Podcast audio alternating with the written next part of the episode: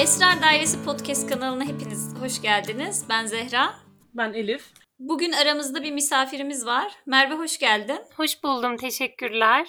Kendinden biraz bahsetmek ister misin? Tabii biraz bahsedeyim. Sizlerle çok uzun zamandır tanışıyorum biliyorsunuz. Bu kanalın aynı zamanda düzenli bir takipçisiyim. Şu anda sizlerleyim. Kendimle ilgili çok daha fazla anlatacak bir şeyim yok açıkçası. Konunun gidişatıyla beraber devam ederiz. Hoş geldin Merve tekrardan. Bugün dönüp dönüp izlemekten bıkmadığımız, arada aklımıza esen, içimizden ya şu sahnesine de bir tekrar bakayım dediğimiz eski dizilerden konuşacağız. Ee, öncelikle Merve sana sorayım. Dönüp dolaşıp izlediğin eski diziler var mı? Tabii ki var. Çok fazla hatta. Ee, siz konuyu bana ilk söylediğinizde de şöyle bir küçük bir liste yaptım aklımdan ve e, çok fazla bir diziyi geri dönüp izlediğimi fark ettim. İşte mesela başında aklıma ilk Aliye geldi garip bir şekilde. Aliye'yi izliyorum. Hatta belli başlı sahneleri var. Onları izliyorum. Dadı, Tatlı Hayat, Yeditepe İstanbul, Kurtlar Vadisi tabii ki olmazsa olmazımız. E, Aşkı Memnu tabii ki baştan kaç kere aldığımızı bilmediğimiz, Kanal ile her defasında bir kere daha başladığımız bir dizi. Sizin nedir? Bu arada laf sokmak istiyorum müsaadenizle. Sen Kanal D ile baştan alıyorsun ama içimizde kendi hür iradesiyle açıp baştan sona düzenli izleyen arkadaşlar olabilir. Evet ben Kim değilim. onlar? Çok çok çok çok ayıp arkadaşlar. Elif senin seninkiler neler? Hangi diziler böyle olmazsa olmazı mutlaka tekrar izlediğin? Benim çok var. Ben bir Türk dizisi çöplüğüne sahibim zihnimde. Asmalı Konağı senede bir kere izlerim. Son iki yıldır izlemiyorum ama niyeyse. Asmalı Konağı izlerim. Gülbeyaz'ı izlerim. Şubat'ı arada açar tekrar tekrar izlerim. Bu komedi dizileri dedin ya Tatlı Hayat benim için hakikaten öyle bir şey. Yani canım sıkıldıkça Tatlı Hayat'tan bölüm açar izlerim. Ne bileyim Hatırla Sevgili sinirlenmek istediğimde izlerim. Ya Ezel, Kurtlar Vadisi bunları saymıyorum bile. Aklıma şey geldi. Çalı Kuşu'nun e, eski yapımı var ya. Yeni bu Evet. Burak Özçivit'le olan değil. Eskisini izlerim. Fatma Gül'ün Suçu Neyi izlerim. ben sürekli dizi izlerim, izliyorum galiba. Başka hiçbir şey yapmayın. Ama Allah kahretsin ben günlük romant ya günlük dizileri diyorum pardon. Romantik komedi dizilerini de açar. Hani IQ gerektirmediği için onların da tekrarlarını izlerim. Ya değil mi? Müthiş değil mi? Bak çok yoğun geçen bir günün sonunda. Yani gözün bir şey seyretmek istiyor ama zihnin düşünmemek istiyor. En iyi şey romantik komedi. Kesinlikle sana katılıyorum. Bu noktada izlerken çoğu zaman izlediğim şeye bakıp diyorum ki ya inanmıyorum bunu nasıl çekmişler? İşte çekiyorlar biz de izliyoruz yani diyebilecek bir şey yok. Zehra peki Ya. senin? Ya benim de çok fazla var. Çok çok çok fazla var. İlk sıraya bir İstanbul masalını koyuyorum. Aşkı Memnu az evvel ifşaladığınız gibi. Avrupa yakası o da olmazsa olmazım. İkinci bahar çemberimde gül oya. Ya çok çok fazla var. Yedi, yedi numara. Ha bir dakika nasıl unuturum Allah'ım tövbe.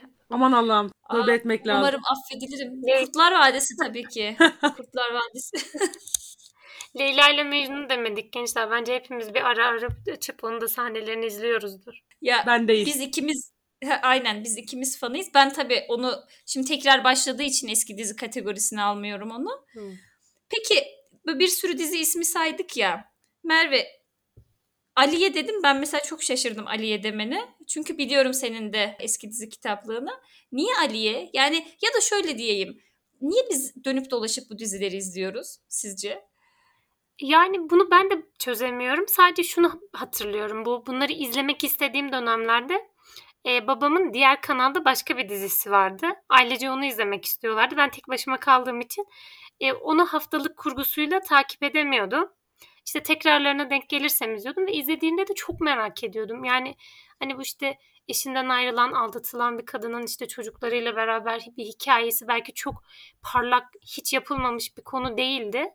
Ama işte çıktık, çıktığı dönem sanırım e, en azından o dönem için yeniydi diğer kanallar üzerinde işlenen konulara göre. İşten çocuklarım olmadan asla başlığıyla çıkmıştı. E, ve hani dizideki her karakteri de seviyordum. Bilmiyorum ben o yüzden onu izlemek e, bana keyif veriyor. Belki de onu izlediğim zaman o zamanlar aklıma geliyor ki gerçekten öyle. Ne zaman o videoyu açsam e, bizim eski evimiz aklıma geliyor. Orada onu izlediğim zamanı hatırlıyorum. Duygusal. Peki Merve bir şey söyleyeceğim. Kendi hür iradenle içinde Nejat işler geçen onun oynadığı dizileri neden izliyorsun? Neden kendine bunu yapıyorsun mesela? Anlatmak ister misin bunu? Ya çok seviyorum. Ee, senin de hani e, neden bu soruyu sorduğunu aslında biliyorum ama yine de engel olamıyorum. Diyorum ki gittiği yere kadar izleyeyim ki Ali'ye de sonuna kadar vardı. O yüzden e, yani onun o karakterlerin hepsinde çok farklı bir hava kattığını düşünüyorum. Oynadığı her dizide e, o kişi o kişi Necat İşler ama o kişi değil. Yani oynadığı kişi oradaki kişi oluyor. E, ama işte tabii ki bırakıp gittikleri birçok dizide bizleri yarım bırakmışlığı da çok ama dediğim gibi seviyorum yine de ne yapabilirim. Bak bir Gülbeyaz fanı olarak gerçekten bu dediğine katılıyorum ve Necdet İşler'in gerçekten oyunculuğunu, fiziğini, sesini gerçekten ayrı ayrı severim. Ama ve lakin böyle onun oynadığı dizilerin önce bitmesi gerekiyor ki ben izleyeyim. Sonra açıkladı bunu gerçi Caner Özyurtlu'nun YouTube kanalında var Loş Sohbet'te ama Hı hı. e, bu beni hani Necdet İşler tarafından bakınca tatmin edebilir ama Elif olarak bir seyirci olarak baktığımda canımı sıkıyor. Evet Zehra sen mesela niye izlediklerini izliyorsun peki? Ya bunun çok çok fazla sebebi var. Ama Merve güzel bir yere değindi. Hani onu izlediğim zaman eski eve gidiyorum şey var ya. Bence hepimiz izlerken o zamanki ruh halimize bürünüyoruz ya da o zamanları hatırlıyoruz. Benim için mesela bir İstanbul Masalı'nın aslında böyle şeyi ahım şahım Oscar'lık bir senaryosu yok yani. Ama ben 6. sınıfa gidiyordum. O yeni işte çocukluktan çıkıp ergenliğe henüz adım atmış olmanın verdiği hisler, e, o Esma ile Selim'in yakınlaşma süreçleri vesaire o beni çok heyecanlandırıyordu ya da hani o yaşımda takip ettiğim e, ilk aşk hikayesi olduğu için de olabilir. Gerçekten hani o zamanlara dönüyorum. Bir de onların şey beni çok mutlu ediyor ilk sezonda. Hani birbirlerini daha önceden de tanıyan insanlar ismen ama sonra birbirlerini daha yakından tanımaya başlıyorlar. Biraz karışık oldu ama onların o hikayesi beni çok çok mutlu ediyor. Bir, bir de tabii işin içinde Mehmet Aslan Tuğ faktörü de var. Onu da geçmeden edemeyeceğim. Kurtlar Vadisi'ni söylememe gerek yok zaten. Onun benim için zamanı yok yani. Geçen mesela sen mahkeme sahnesinden bahsettin ya birkaç gün önce konuşurken. Yine tekrar açtım. Bir de kızlar o kadar şey ki YouTube'da fan videoları izliyorum. Çok komik ama çok zevk alıyorum. Bu konuda Merve'nin İşte- eline su dökemeyiz diye düşünüyorum. Çünkü çünkü çünkü kendisi Arap hayranların fan Ya, videoları arasında dolaşıyor. Burayı keseceksiniz ha. Hayır. Hayır. Bir şey söyleyebilir miyim? O zaman açıklamama müsaade edin. Tabii ki. Hayır ya orada mesela kesilen sahneleri editliyorlar. Ben arkadaki müziğe takılmıyorum ki. Ben arkadaki müziğe Çok takıldım güzel demiyorum ki. kolaj yapıyorlar yani. Bir daha size söylemeyeceğim izlediğim videoları. Tamam. Canın sağ olsun. Elif sen neden izliyorsun? Yani var mı senin bir sebebi? Benim sizin söylediğiniz sebepler gibi bir sebebim yok açıkçası. Yani izlediğim diziler mesela işte hani Tatlı Hayattır, işte Ayrılsak da Beraberizdir. Hani bu tarz dizilerde hep şey oluyor. Hani o an mutlu olmak istediğim için izliyorum. Çünkü günlük dertleri artık göresim yok. Günümüzde komedi dizisi de yok zaten. Ama e, diğerlerinin hikayeleri ölümsüz geliyor bana ya. Mesela Ezel'i bin yılda olsa izlersin. Az önce dediğin gibi Kurtlar Vadisi zamansız bir dizi. E, Çalı Kuşu hakeza öyle. Ama şey oluyor işte hani o dönem izleyen Elif oradaki aşk hikayesine takılıyordu. İşte e, üniversite okurken izleyen Elif oradaki öğretmenliğe takılıyordu. Şimdi izleyen Elif aslında oradaki gurura takılıyor. Hani beni götürdüğü yerden ziyade hikayeleriyle ilgileniyorum. Bunların bir de başı sonu belli ya. Şu an benim için bir sürpriz yok mesela. Hatırla sevgilinin sonunda ışık denen burayı biplemek istemediğim için kibar kelimeyle söylemeyeceğim yani.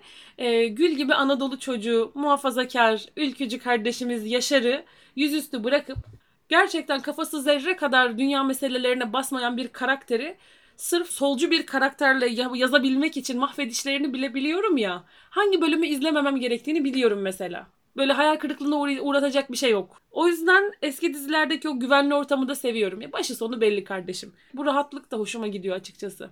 Çok haklısın. Ben de şey düşünüyorum. Bir İstanbul Masalı izlerken bu arada hani insanı sinir krizine sokan bölümleri var ikinci sezonda. Ve oraları atlıyorum. Yani hiç o bölümleri açmıyorum. Eski dizileri izlemenin en büyük rahatlığı o gerçekten. Evet bir soru da ben soracağım. Şimdi madem hani eskileri hatırlatıyor dediniz ya hani o ilk izlediğimiz aşk hikayeleri falan filan. e, hepimizin vardır diye düşünüyorum. O dizi karakteriyle evleneceğini hayal ettiği bir dizi karakteri. Merve sen söyle önce. Düşünüyorum gerçekten hani bu çok öncesi için düşünecek olursak çünkü aklımız kestiğinden beri o insanların bir de paparazzisini takip ediyorduk ya. Onunla beraber o hayallerimiz suya düşmüştü ama şu Ben an söyleyeyim Ya mi şey- önce? böyle lütfen. Serseri'deki Ömer, Okan Yalabık. Niye? Ya Ya ben Ömer'le evleneceğim sanıyordum gerçekten. gerçekten. Çünkü Ömer tam aşık olunacak adamdı. Ama gel gör ki günümüzdeki Okan Yalabık nasıl ya? Sizin yok mu gerçekten ya? benim var tabii ki. Tabii ki Selim Arhan. Ya bu bugün de o. Ee, benim de sanırım yılan hikayesindeki Memoli'ydi yani. Gülmeyin arkadaşlar yani. Bir de size komik bir şey anlatacağım. Ee, o dönem miydi hatırlamıyorum. Özcan Deniz'in bir tane dizisi vardı. İnanın dizinin adını hatırlamıyorum. Haziran gecesi mi? Aşkım dağlarda gezer. Hayır, TGRT'de. Ondan önceki. O orada işte boynu boynu sarılı bir şeyler giyiniyordu.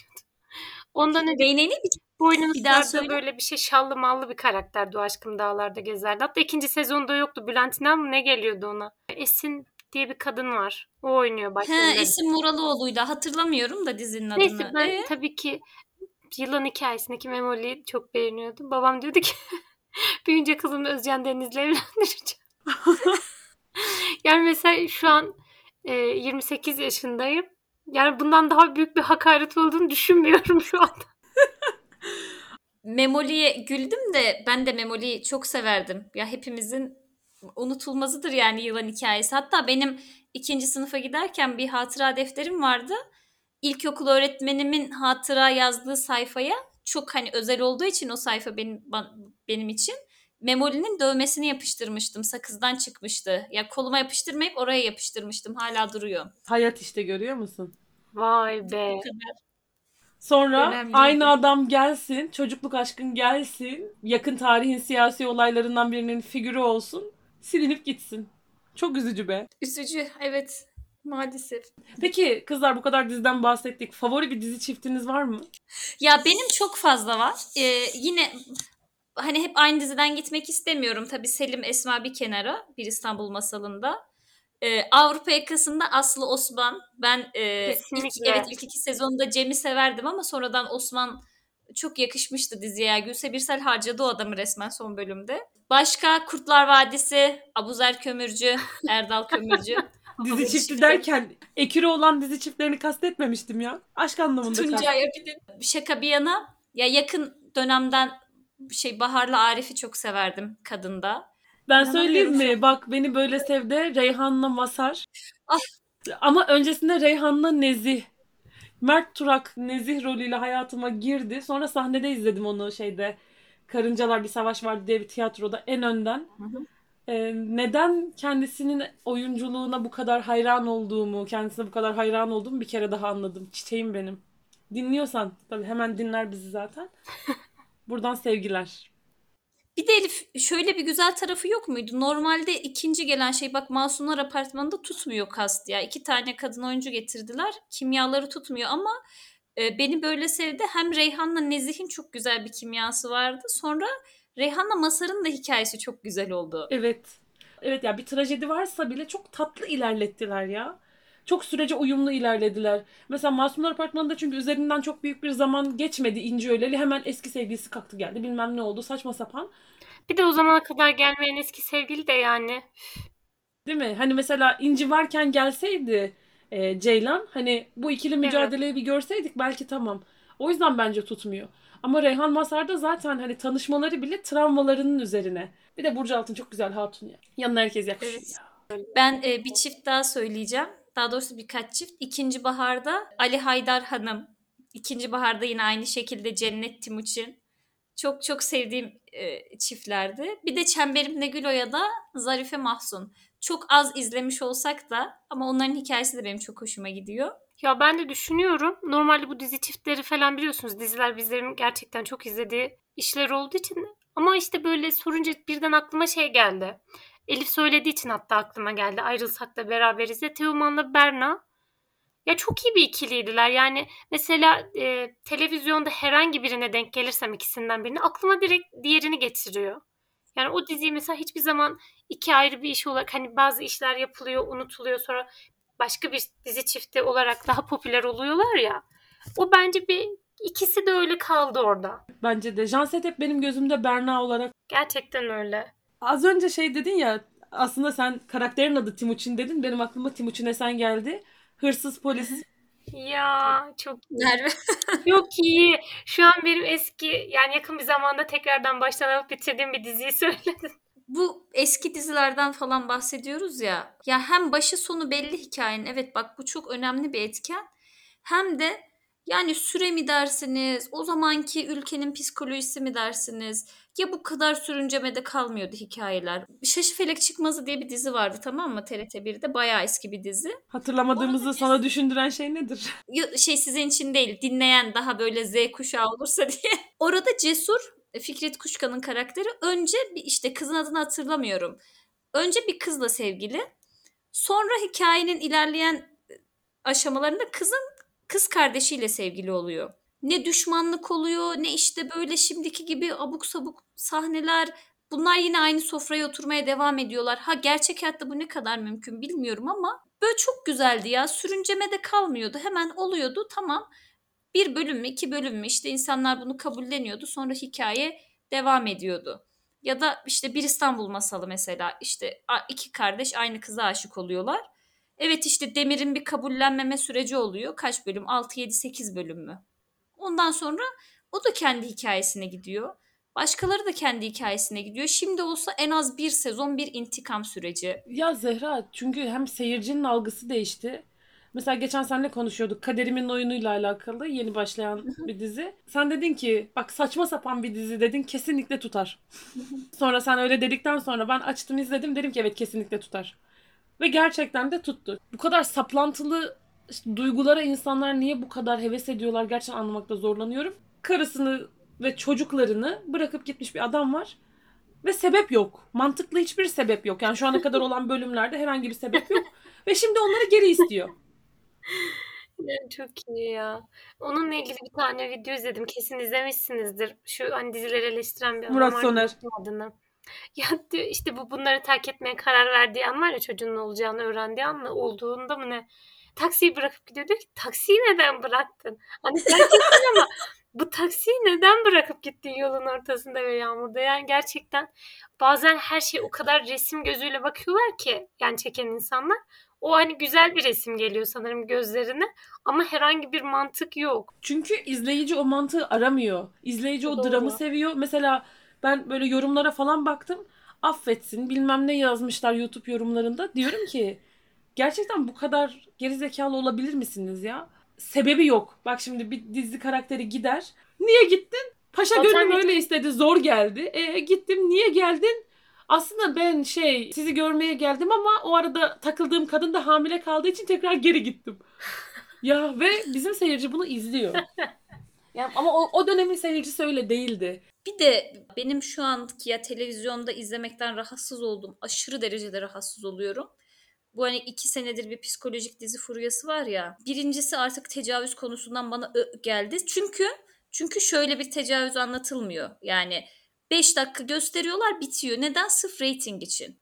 Ben artık bir kadın travmasını sırf 1-2 e, reyting daha fazla alınsın diye anlatılmasından hoşlanmıyorum. Ya neden ben bunu en ince ayrıntısına kadar görüyorum? Şu camdaki kız mesela. Ya çok şey dumanlı geliyor onu izlemek. Neden bu kadar işte Nalan'ın evliliğinde yaşadığı her şeyi şimdi açık açık anlatmayacağım da bu kadar da keşke göstermeseniz ya. Şimdi belki dinleyenler şey der ya tecavüz diyorsunuz ama Fatma Gül'den de bahsettiniz. Ama Fatma Gül tamamen bunu anlatan bir diziydi. Başından sonuna Ben kadar. şunu asla kabul etmiyorum. Sosyal medyada çok eleştiri aldı Fatma Gül'ün suçuna. Belki tecavüz sahnesine o kadar vermeyebilirlerdi. Hani oradaki tek sıkıntı olmuş olabilir. Fatma Gül'ün suçu ne? Ee, başından sonuna kadar tecavüze uğramış bir kadının hayatını geri almasını anlatan ve bunun içinde hani zenginleşmeye çalışmadan, sosyal medya ikonu olmaya çalışmadan, kendi küçük hayatında adalet mücadelesi veren bir kadını anlatıyordu normali buydu. Şu anki dizilerde mesela o dediğim işte Kaderimin oyununda 15 yaşında bir kıza tecavüz girişimiyle başlıyor. Ya yuh ya. Yuh yani. Allah aşkına bu kadar bu basit bir konu değil. Sürekli ağızda bu kadar tecavüz kelimesinin alınması da beni çok darlıyor. Bir de YouTube'da şimdi artık YouTube kapakları var ya bak yani yine açık açık anlatmayacağım ama çok çirkin isimlerle veriyorlar. Ya dizilerin kendi resmi kanalları veriyor bunu. Bu şekilde anlatmamanın yolları da var ya. Sırf izlenmek için yapılıyor. Hiç hoş değil. Belki o yüzden de işte eski dizi izliyoruz. Şu an izleyici kitlesi Kübra'nın yani senin kardeşinin lafı ya hani 16 yaşındaki ergen fangörler tarafından yönetilen bir sektörden bahsediyoruz aslında. Çünkü gerçekten dizide ne olacağını artık sosyal medyaya göre belirliyorlar ve bunlar Wattpad'de oturup bad boy hikayeleri okuyan çocuklar. Çocuk diyeceğim.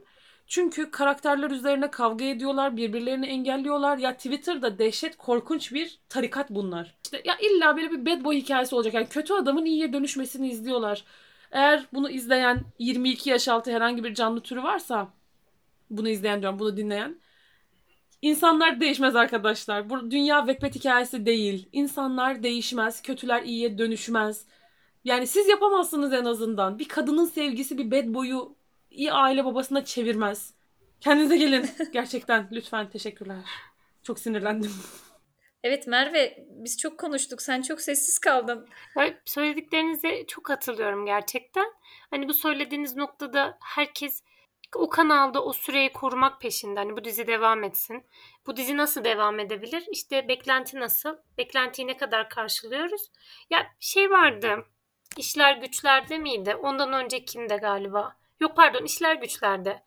Bir bölümde işte e, başrol karakterin işte haftaya trafik kazası geçireceği mi? Ya yanlış olabilir ya da işte neyse diziden çıkacağı. Çünkü onun öncesinde işte mesela alacağı parayla ilgili işte yüksek bir beklentide olduğunu iletmiş işte yapıma.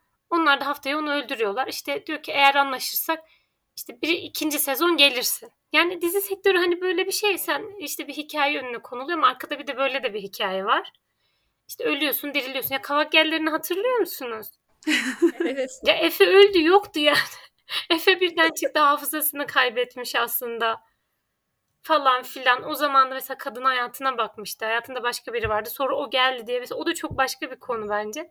Sonra işte tekrardan Efe oldu. Sonra Efe tekrar öldü. Yani hani böyle şeyler de oluyor. Ee, hani dizi sektöründe kim nasıl istiyorsa, nasıl kolayına geliyorsa bu şekilde yön veriyorlar. Bahsettiğiniz dizi vardı ya Burcu Biricik'in dizisi. Şu an Kanal D'deki.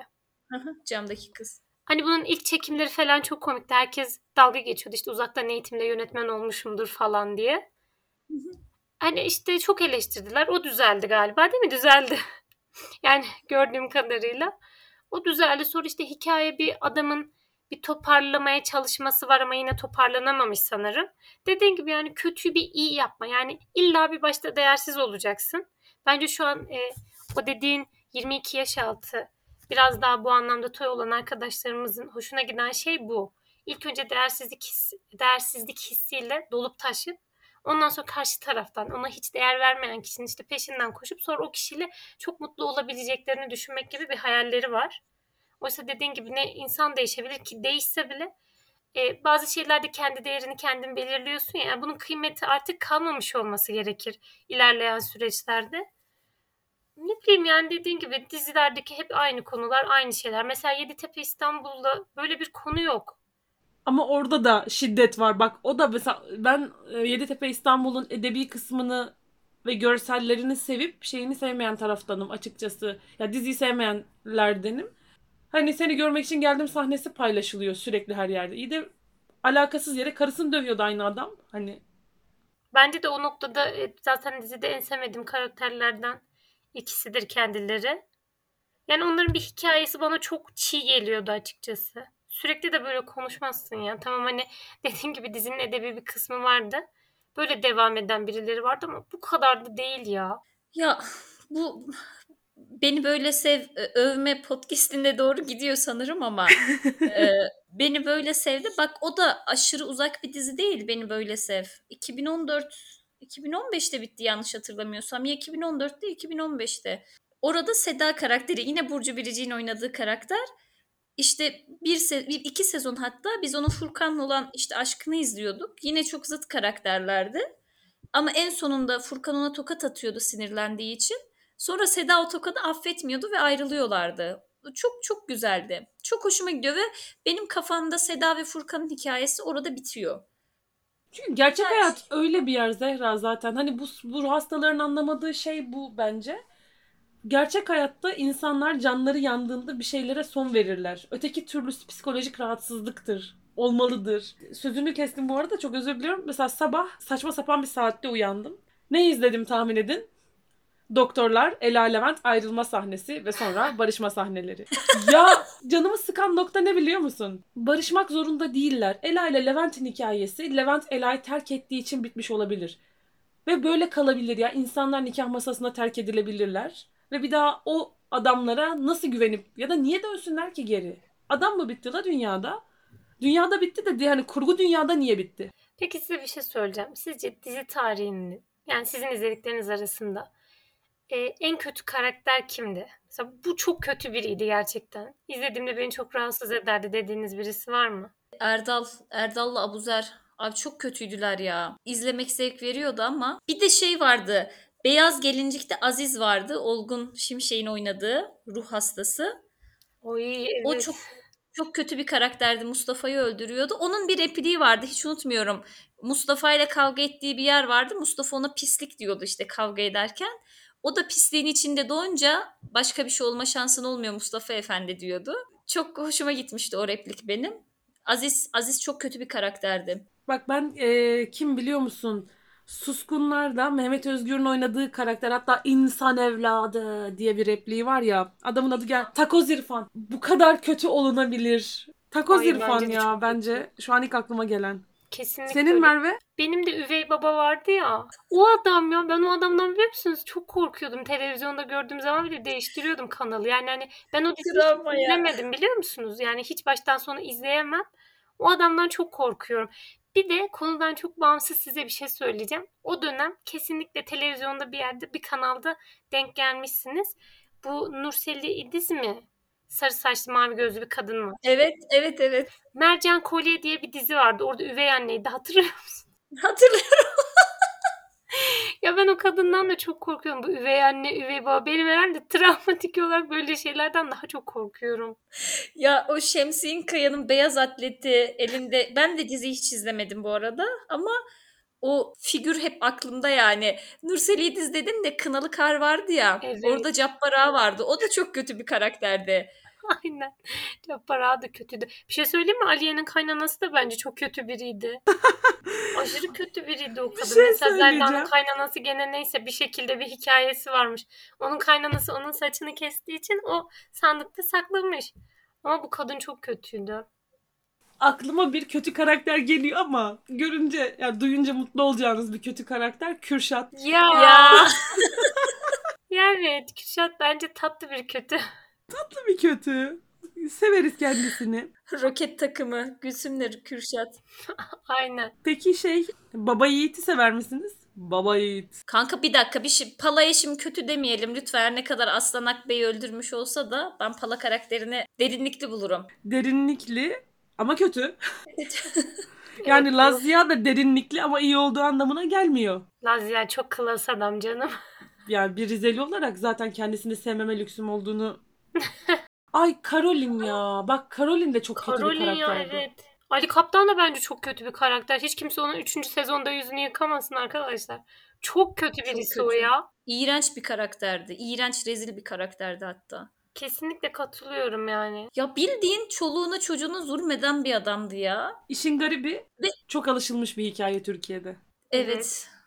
Çok gerçek bir karakterdi. Belki de o yüzden canım o kadar sıkıyordu o adam benim. Ben mesela o ikinci sezonda hani geliyor ya hapisten çıkıyor falan saç sakal karışmış. İnanın zerre acımıyordum ona. Ben Hiç acımıyordum. Aa, Ezel izleyen birinin Cengiz'e değinmemesi olmaz. Çok korkutucu bir karakter mesela. Hem kötü hem sinsi hem kıskanç. Bir insanın çevresinde asla olmasını istemeyeceği bir karakter değil mi ya Cengiz? Evet. Ve Cengiz de çok gerçekçi bir karakter Elif ya. Evet işte. Çok gerçek. Bak daha gerçek bir karakter daha söyleyeceğim. Mukaddes. Fatma Gül'ün yengesi. Aa! Esra Dermancıoğlu. Sen asla Esra Dermancıoğlu değilsin yani. Bu kadar iyi oynanabilir. İnşallah oynuyorsundur bunu.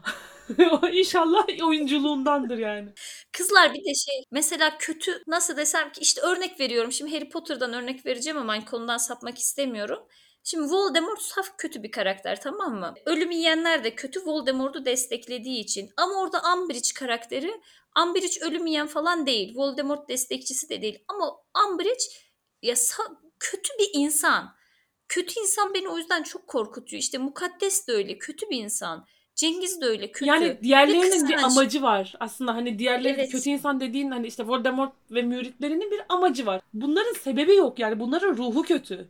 Hatta biri daha Ferhunde. var. Ferhunde. Ya Ay. Ferhunde kötü ama beni rahatsız etmeyen birisiydi işin doğrusu. o laf taşıması alttan alta ya ben bu sene Covid e, olduğum zaman yaprak dökümünü izledim başta. o kadar o kadar ince ince alttan alta e, insanları işliyor ki hem zeki bir karakter aynı anda ama kötü ya bence Merve ben rahatsız oluyordum Ferhunde'yi izlerken. Seni neden rahatsız etmiyor? Yani ediyordu ama mesela Ferhunde'nin bir zaman zaman bilmiyorum hani dizinin belki akışından olsa gerek işte ağladığını, üzüldüğünü e, ya da ne bileyim işte annesiyle olan problemi, annesinin yaşadıkları vesaire bunlara şahit olmuştuk ya dizide. Yani tabii ki kabul edilebilir bir şey değil ama benim nazarımda daha anlayabildiğim, daha altı doldurulmuş bir kötü karakterdi. Yani bu hikayesini bildiğim biri o kadar da kötü olarak algılayamıyorum kendi adıma. O kadar rahatsız etmiyor ama mesela salt bir kötü çıkarıyorlar. İşte mesela Üvey Baba'daki gibi. Onun neden öyle olduğunu bilmiyoruz ve çok ürkütücü. Böyle yani kötü biri, direkt kötü biri gibi geliyor. Ya da mesela Ferhun şey Ferhunde diyorum Fatma Gül'ün yengesi mesela. Ya çok kötü biri. Hiç akıllanmadı. Yani dizinin birinci bölümünden son bölümüne kadar. Ama bir şey söyleyeyim mi? Merve bak o meşhur bir laf ya hani kötü insan yoktur hikayesini bilmediğin insan vardır. Fatma Gül'ün yengesi Mukaddesin neden kötü olduğunu da biliyoruz aslında. Ama yine de kötülüğü beni çok rahatsız ediyor. Asla vazgeçmeyecek olma fikri, sürekli bir bela çıkaracak olması. Kızlar kıskançlık hani bu Hristiyanlıkta yedi büyük günahtan birisi ya. Kıskançlık gerçekten çok çok tehlikeli bir şey. Mukaddes'in de temel şeyi kıskançlıktı ya. Fatma Gül'ü kıskanması, çevresinde olanları. Beni o yüzden kendi çevremde de ya bir küçücük bir kıskançlık bile sessem çok çok rahatsız olurum. Ben de. Çok kötü bir şey. Kıskançlık dedin ya aklıma bir dizi karakteri daha geldi. Benim doğru düzgün izlemediğim bir diziydi bu ama çevremdeki herkes izliyordu. O Hayat Benim. Ceren Moray'ın oynadığı Efsun karakteri. Hatırlar mısınız? Ben Sonradan onu çok Evet. kara, şey e, karton bir karaktere çevirdiler gerçi ama Efsun'u aynen aynen böyle bir komedi şeyi gibi çevirdiler. Biliyorum izlemedim de biliyorum ama diziyi. Ben maruz kaldığım bölümlerden katlanamıyordum yani. Bu gereksiz saf derecesinde iyi ve mütemadiyen kötü karakterler benim hakikaten Kesinlikle Ya bu- katılıyorum. Çok pardon şey daha ses, şey sözünü kestim. Yani kötü birine ne kadar tahammül edemiyorsam aptallık seviyesinde iyiliği de görmeye tahammülüm yok gerçekten. O diziyi mesela bir iki hani şahit olmuşluğum var. Yani izleyememe sebebim kötü olan kişi değildi. O ponçik ponçik gezen insandı. Çok rahatsız edici. çok geriyor beni. Nesin sen Pamuk Prenses mi? Birazdan 7 tane cücenin saldırısına uğrayabilirsin ama gerizekalı. Demek istiyor insan. Ya şimdi eski dizilerden bahsettik. Şu an kötü karakter deyince aklım hep çok eski dizilere gidiyor kendi izlediklerimde. Ya mesela ikinci baharı düşünüyorum. İkinci baharda salt kötü bir karakter e, yoktu. İşte şey vardı, Vakkas vardı. Kötü hani dizinin kötüsü olarak Vakkas'la Neriman. Ama onlar da hani süreçte kendi sebepleri vardı. Sonra pişman oluyorlardı. O kadar güzel yediriliyordu ki hikaye. Böyle saf kötü, illa kötülük yapayım şey yoktu. Bilemedim. Şimdiki dizilerde kötü çok fazla. Aa evet ya. Evet bak kötü çok fazla. Sanırım bak eski dizi yeni dizi arasındaki farklardan birisi de o. Çok kötü var ve iyiler de aptal iyi. Böyle aptallığa varacak derecede iyiler. Bir de Zehra şöyle bir şey var. Mesela ben belli başlı senaristlerin dizilerini izlemiyorum. Fazilet Hanım ve kızlarının senaristi mesela Sırma Yanık. İnşallah bir gün karşılaşırız. Gerçekten böyle çıldırmak istiyorum yüzüne. Zalim İstanbul'un da senaristi. Kardeş Çocukların da senaristi. Hatta Kardeş Çocukların ilk bölümünü sizin evde izlemiştik Erzurum'da. Evet. Kadının şöyle bir hastalıklı ruh hali var. Ben o kadının tedavi olması gerektiğini düşünüyorum. Hikayelerin içinde normal hayatta karşılaşmayacağın hani Müge Anlı'ya bile 5 yılda bir gelen Palo ailesi tadında hikayeleri bize hani korku gerilim dizisi olarak da değil. Normal bildiğin dizi olarak veriyor. Ya karakterler bilmem kaçıncı bölümde bir ruh hastası tarafından toprağa gömülmek mi ararsın? İşte üvey babası tarafından kümese kilitlenmek mi ararsın senelerce? O kadar manyakça özellikler var ki kadının dizilerinde. Deliresim geliyor. Yani ya kardeşim dünya zaten yeterince kötü. Ben akşam Twitter'a bir giriyorum. Time'da 20 tane haber varsa 18'i kaza, bela, felaket, olumsuzluk. bu kadar olumsuzluğun arasında hakikaten bir kurgu oluşturup ve bunu da gerçek hayatta karşılaşma olasılığın binde bir olan bir hikaye üzerinden mi vermek zorundasın? Kendi hür iradesiyle olmuyorsa devlet zoruyla tedavi olmalı. Ama bu kadın yine televizyona dizi yapabiliyor. Bir dizisi bitiyor yenisini yapıyor. Bir dizisi bitiyor yenisini yapıyor. Nasıl Ya olabilir bu ya? izleniyor çünkü. Yüzleniyor tabii çözmüş bütün şifreleri. Çarpık bir ilişki. E, kimin kimden olduğu belli olmayan şaibeli doğumlar. Bu tarz şeyler var yani. Orada senarist fark etmiyor. Orada senaristlerin piyasadakilerin %90'ı zaten DNA testi yapıldığı zaman bunlara ekstra para yatıyor herhalde test başına. Sektörü piç ettiler. Kelime anlamıyla. Ya bu Sırmayanık Feriha'nın da senaristiydi değil mi? Yanlış Evet. hatırlamıyorum. Aklıma şey geldi Feriha Hanım. Orada e, Feriha'yla neydi çocuğun adı? Emir'i kaçırıp Feriha'ya zorla gelinlik giydirip Emir'in üstüne mum damlattığı bir sahne vardı. Allah kola şişesini mi ne yakıyordu üstünde? Ha pardon. yani bu kadar da yani ucuz bir kokulu mum olaydı hiç değil. Peki Feriha'nın nişan saçı? Aa bak o çok gerçek bir saçtı ama. Simine kadar. Ay oradaki gelinleri de çok korkunç biriydi ya. Aa evet Seher, Seher. Perihan'ın kuzeni. Ya bence dizide o kızı izlediğimde o kadar rahatsız oluyordum ki saplantılı ya. Saçına bir sarı peruk taktığı bir bölümü hatırlıyorum. Bir şey söyleyeyim mi? Ben öyle dizilerde karakterlere genelde şey diyorum. Bak işte evlilik dışı cinsel ilişkinin sonucu böyle olur işte. Bizim Gülsüm'ün çok güzel bir sözü vardır. Diyor ki işte evlendikten sonra yapmıyorlar ki hani çocukları olmazsa boşanmak zorunda kalmasınlar. Önceden bir denemesini yapıyorlar. Çok mantıklı. Peki kızlar size bir şey O soracağım. kadar yozi yozi konuştuk ki kendimize çok gülmem geldi. çok yabancı konuştuk. Yani tabii bizim hani düşüncelerimiz bu şekilde ama Subhanallah evlenmeden olmaz falana bağladık.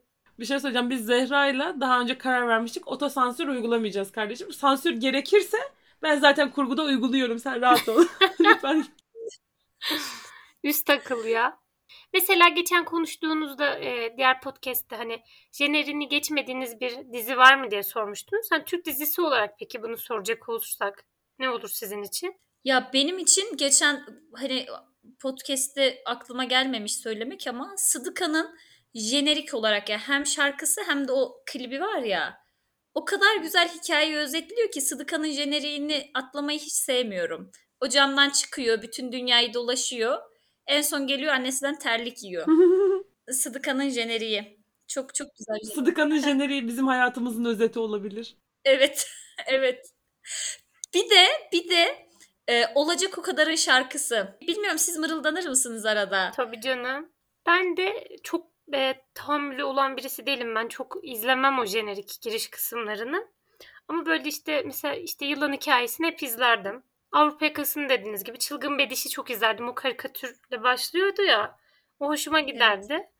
E, bir de bir şey daha vardı ya onu da izliyordum. Poyraz Karayel'i de izliyordum. Jeneriğini hep dinlerdim o girişini. Bugün fark ettim sabah işte dediğim gibi doktorları izlerken doktorların jeneriğini de hep izlermişim. İzliyormuşum yani. Şimdi Kurtlar Vadisi'nden çok az bahsettik ama bence o başlı başına bir podcast konusu olduğu için Kurtlar Vadisi'nin jeneriğini şu açıdan ben çok seviyorum. Çok da başarılı buluyorum. Doktorlarda da var o. Ee, karakteri tanıtıyorlar önce. Sonra altında gerçek ismi. Bir de işte müzik giriyor. En son Kurtlar Konseyi gelirken müzik böyle bir yavaşlıyor. Sonra ritmi artıyor. Çünkü hani artık Kurtlar Konseyi geliyor. Daha üstler geliyor. O benim çok hoşuma gider her izleyişimde. Ben de bir dizi daha söyleyeceğim. Kuzenlerim. İzler miydiniz? Ya evet. Tabii ki.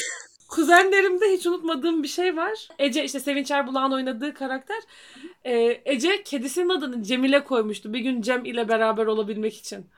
Tarihteki ilk kelime şakası gerçekten. Ve şarkının şey kısmı işte ya yalnız kalacağız ya da biz bize. Evet. Hatırlarsınız değil mi? Evet, evet. Çok severdim. Hatta Arda Kural vardı. Orada Arda Kural trafik kazasında ölmüştü. Hani o dizide. Evet.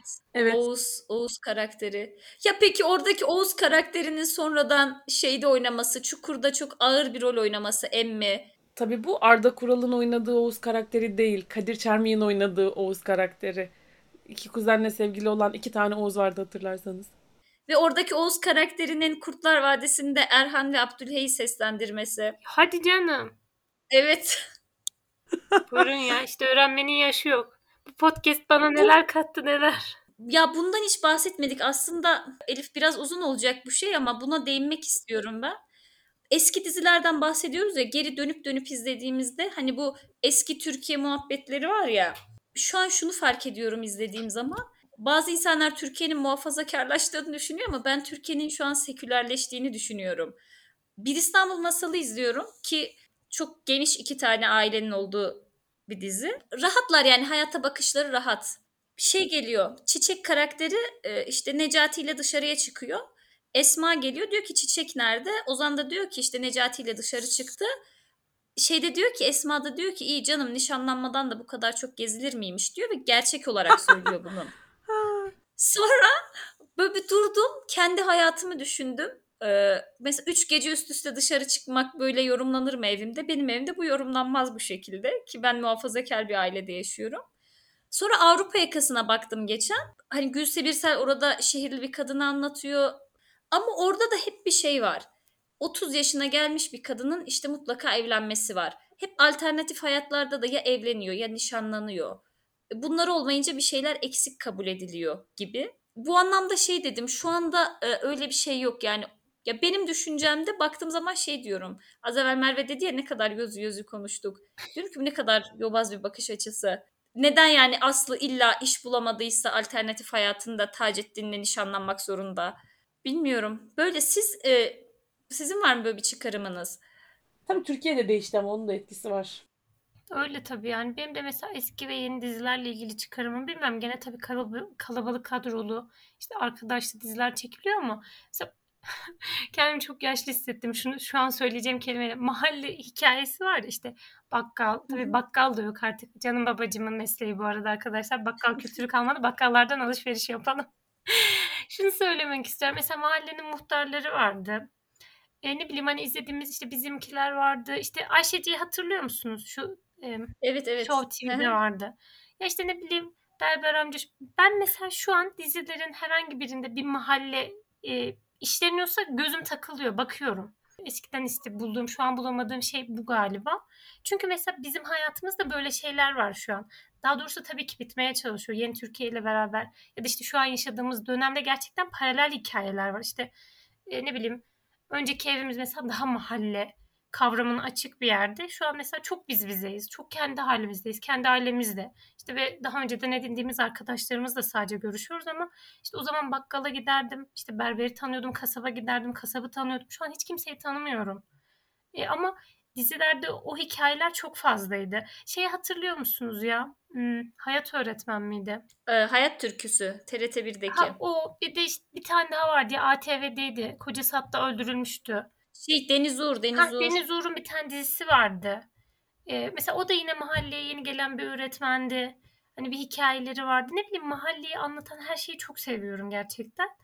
E, İşte hani daha çok kadronun olduğu, mahallede geçen olayları izlemek bana kendimi çok daha güvende hissediyor. Dizi, televizyonda bunu görmek istiyorum açıkçası ama şu an mesela bir arkadaş topluluğunu görürsek o bir evin içinde, işte bir kafede ya da işte bir iş yerinde. Hani anlatabiliyor muyum demek istedim. Mekanlar hep burayla sınırlı. Biz bu insanları hiçbir markette e, izlemiyoruz. Bilmiyorum bu ne kadar önemli. Çok mu önemli bu anlattığım şey ama demek istediğim yani o normal hayat döngüsünü orada göremiyorum. İşte sevdiğimiz her şey aslında gerçekten geçmişe bir özlem. Sanırım bu anlamda gördüğüm fark bundan ibaret. Şu an böyle bir gözümde canlandırdım da mesela son zamanların dizilerin hepsi istisnasız şirkette geçiyor. Şirket ya. Herkesin şirketi var. Ya madem hepinizin CEO. madem hepinizin şirketi var, hepiniz CEO'sunuz. Ha bu ülke niye bu kadar kalkınamıyor? Allah aşkına ne olur bir el atın ya. Dizide anlattıkları konulardan eğer böyleyse kalkınamamasını anlıyorum. Değil mi? Ya bütün patronlar asistanlarının peşinde. Aşına fişine. İşiniz gücünüz sadece asistanlarınızla bir yerlerde mahsur kalmak mı? Ay, Hatta bir yer dediğim de asansör. Hatta klostrofo- klostrofobisi olan asistanlarınız da asansörde mahsur kalmak mı? Ve de sakar. Neyse geleceğe dair umudum artıyor. Ya şeyi düşünüyorum. Abdülhamit Hoca söylemişti sanırım. Herkes heybesindekini anlatıyor diye. Ben doğuya atanmış öğretmenleri anlatan bir dizi çekmek isterim. Atıyorum, örnek veriyorum. Ama hani bunun bu hikayenin şu anki yani şu günün Türkiye'sinde e, alıcısı yok maalesef Elif'in dediği gibi. Eğer okul Dallas gibi bir okul değilse ya bir öğretmenin işte ne bileyim ev sıkıntısını kimsenin izleyeceğini düşünmüyorum. Bunu yayınlayacak kanal olduğunu da düşünmüyorum. Belki TRT'de yayınlanırsa işte 13 bölüm yayınlanır sonra bitirilir. Hayır TRT'de yayınlanmaz kardeşim. Konuşmak istemiyorum. TRT'nin geldiği hal beni gerçekten aşırı derecede üzüyor. Asla reyting almayan yani bence senaristlerinin ve yönetmeninin bile izlemediği dizileri yayınlayan bir kanala doğru gidiyor olması canımı çok sıkıyor. Bakınız dünya hali. Teşekkürler. Dünya Ali final yaptı. Yaptı mı sonunda? Elhamdülillah. Ha, yaptı Dünya Ali. Bir şey söylemek istiyorum. Bir de Ege'nin Hamsisi diye bir tane dizileri vardı. Ya. İğrençti bu dizi arkadaşlar. İki final yaptı. Buna bütçe ayırdıkları için eğer bizden vergi alındıysa yani söylemek istemiyorum. Neyse TRT ile karşı karşıya gelmek istemiyorum. Olur podcast'te dinlerler yoluma taş koymasınlar. Ben sadece şunu merak ediyorum. Bu Ege'nin hamsisi fikrini ortaya koyan, bu fikri onaylayan, hani sonradan oynayanlar belki sözleşmelerinden vazgeçemediler falan da. Anlatsanız da biraz neden? Demek parayı yani savuracak konu bulamadılar. TRT bir de herkesin umudu olması gereken bir kanal bence. Çünkü reyting kaygısı gütmemesi gereken. Daha bu ay yani yeni elektrik faturalarımızdan elini çekebilmiş bir kanal. Hayatımız boyunca TRT'ye vergi verdik bize düzgün bir şey izletsin diye. Leyla ile Mecnun da yayınlasın. işte Gönül Dağı'nı da yayınlasın. Ama bizden olan bizim gibi hikayeler yayınlasın. Yeni insanlara yer açsın. Paralarımızı çar çarçur etmeyin bak lütfen. Teşekkürler.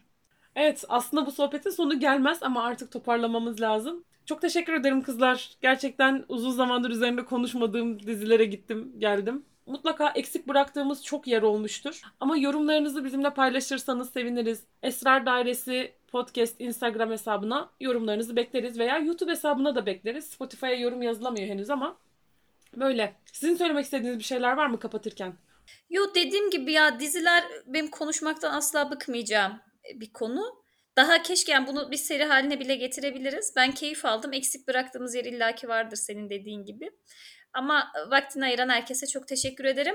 Merve sana da çok teşekkür ederim. Bizi bu bölümde yalnız bırakmadığın için. Ben de çok teşekkür ediyorum beni davet ettiğiniz için. Gerçekten çok keyif aldım. Güzel bir konuydu, güzel bir sohbetti bizim için de. Teşekkürler. Dinleyen herkese de teşekkür ederiz. Arkadaşlar abone olmayı, beğenmeyi lütfen unutmayın olur mu?